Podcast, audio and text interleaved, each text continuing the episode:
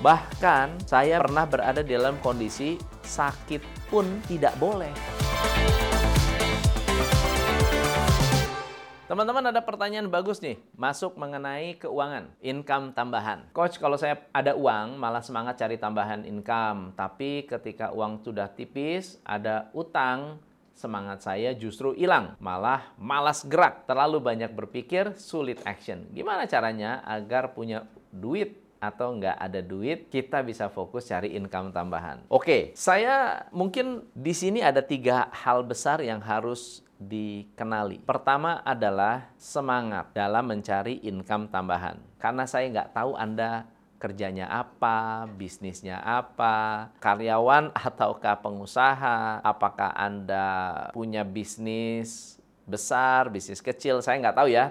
Kalau kalau berbicara seperti itu, semangat Anda ini bergantung dari uang. Ya, itu itu yang pertama. Yang kedua adalah kalau nggak ada uang, malah malas gerak. Kalau nggak ada uang, Anda malas gerak. Lalu kemudian yang ketiga adalah fokus mencari income tambahan. Ini ada tiga hal yang memiliki strategi yang berbeda. Kita mulai dari semangat dulu. Teman-teman, uang itu tidak akan merubah apa-apa dalam hidup Anda Uang itu tidak bisa bikin Anda tambah semangat. Uang itu tidak bisa membuat Anda jadi malas. Enggak. Tapi kalau dasarnya kita malas, banyak uang pun bisa membuat kita tambah malas. Jadi nggak ada jaminan nih. Kayak tadi tuh, Anda banyak uang, tambah semangat. Nggak ada uang, malas. Kan sebetulnya nggak ada hubungan. Jadi kenapa kita semangat? Kenapa kita tidak semangat? Kita perlu menemukan motif Anda dalam mencari uang. Misalnya contohnya gini. Oke, kalau Anda nggak punya uang, kan Anda malas nih. Malas cari uang. Atau malas untuk berbisnis. Atau malas untuk cari income tambahan Coba bayangkan hal terburuk apa yang terjadi kalau Anda membiarkan diri Anda malas-malasan. Bayangkan hal terburuk. Nah, masalahnya adalah kenapa ada orang yang tidak mau bergerak walaupun tidak punya uang karena tidak merasa ada resiko kalau diam.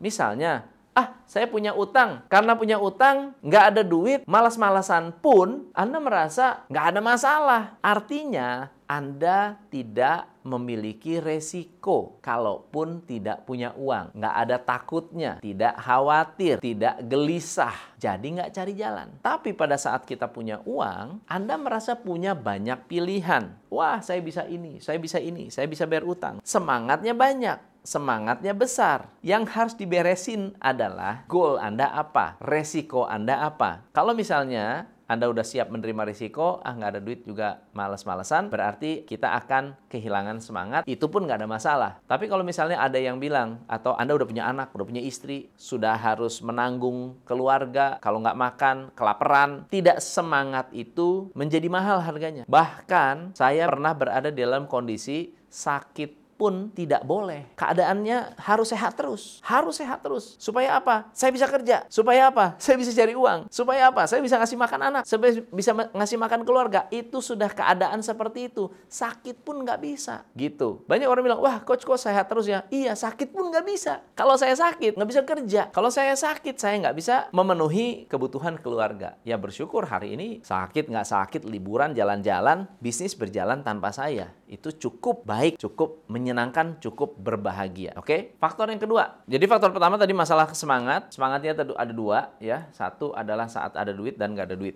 Ya, kalau Anda punya uang dan nggak ada uang, berarti Anda masalahnya adalah safety net ya, ada safety net. Nah, sekarang masalah yang kedua nih. Masalah yang kedua adalah kenapa susah berpikir? Kesulitan berpikir terjadi karena kurangnya pengetahuan, kurangnya strategi. Jadi, kalau Anda mengalami hal seperti ini dan Anda merasa kesulitan uang, Anda ingin mendapat bantuan, cara terbaik adalah dengan bantuin orang. Bantuin orang mendapatkan apa yang mereka inginkan. Bantu mereka untuk menyelesaikan masalah. Anehnya adalah kalau Anda banyak nolong orang, entah bagaimana anda akan dapat pertolongan. Kalau Anda pengen sukses nih, bantu orang lain untuk sukses. Anda akan dibantu untuk menjadi sukses. Anda misalnya, oh saya nggak ada duit nih, saya pengen dapat banyak uang.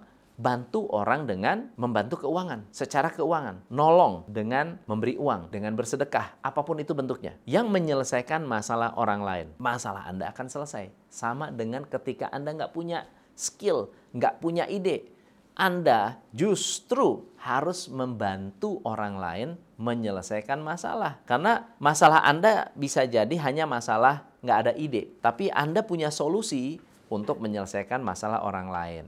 Dan itu akan membantu Anda menyelesaikan problem yang bersifat tidak pasti. Yang ketiga ini masalah income tambahan nih. Gimana caranya dapat income tambahan? Income tambahan itu harus fokus, teman-teman. Jadi jangan kayak lari sana lari sini mencari income tambahan. Itu itu tidak sustainable. Kita perlu membangun sebuah sistem agar Anda membangun bukan mencari. Ya dua hal yang berbeda ya. Kalau mencari itu seperti saya nggak punya rumah, besok tinggal di mana? Anda cari tempat untuk bernaung. Itu mencari. Tapi kalau Anda membangun, saya bikin fondasi, kita bangun temboknya, kita bangun atapnya, suatu saat nanti akan jadi sama seperti bisnis.